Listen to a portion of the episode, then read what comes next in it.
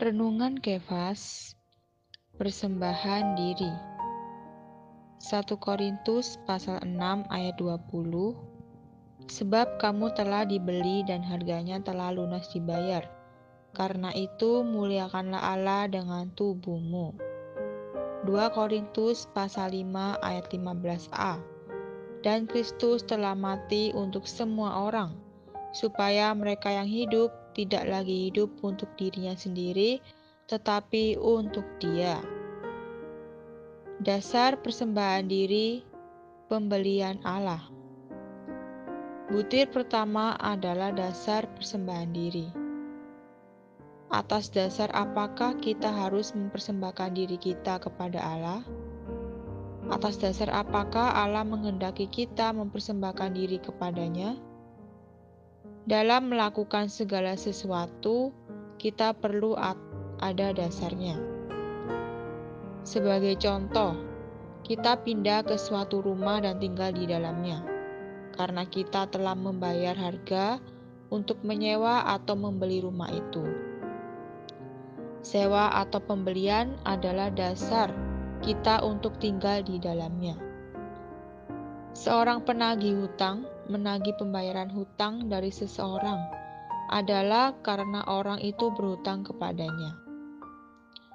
Hutang itu adalah dasar penagihan hutang untuk menagih pembayaran. Allah kita adalah Allah yang paling adil, Allah yang paling tepat dalam bertindak. Semua yang dikerjakannya adalah adil dan memiliki dasar. Ia tidak dapat mengambil sesuatu dari alam semesta tanpa membayar, dan ia juga tidak dapat meminta sesuatu dari kita tanpa dasar. Karena itu, ketika Allah menghendaki kita mempersembahkan diri kepadanya, hal itu tidak mungkin tanpa dasar. Dalam hal ini, ia memiliki dasar yang sangat kuat, yaitu pembeliannya. Ia telah membeli kita karena itu, ia dapat meminta kita untuk mempersembahkan diri kepadanya. 1 Korintus 6 ayat 20 mengatakan, Sebab kamu telah dibeli dan harganya telah lunas dibayar. Motivasi persembahan diri kasih Allah Motivasi persembahan diri adalah kasih Allah. Setiap kali Roh Kudus mencurahkan kasih Allah dalam hati kita, dengan sendirinya kita akan sukarela menjadi tawanan kasih dan mempersembahkan diri kepada Allah. Persembahan diri yang dimotivasi oleh kasih Allah semacam ini disebutkan dengan sangat jelas dalam dua bagian Alkitab. 2 Korintus pasal 5 ayat 14 sampai 15 dan Roma pasal 12 ayat 1. 2 Korintus 5 ayat 14 sampai 15 mengatakan, Sebab kasih Kristus menguasai kami. Kristus telah mati untuk semua orang, supaya mereka yang hidup tidak lagi hidup untuk dirinya sendiri, tetapi untuk Dia yang telah mati dan telah dibangkitkan untuk mereka.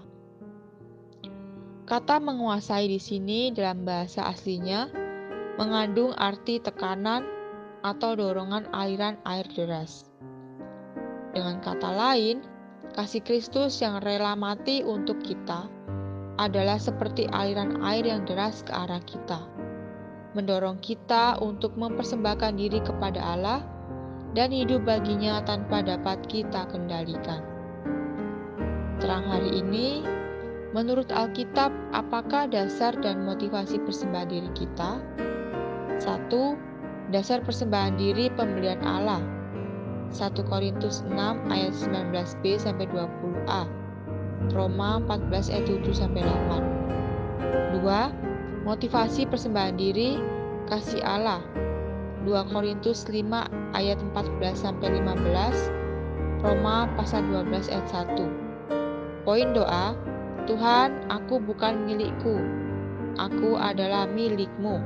Hari ini aku memperbarui persembahan diriku.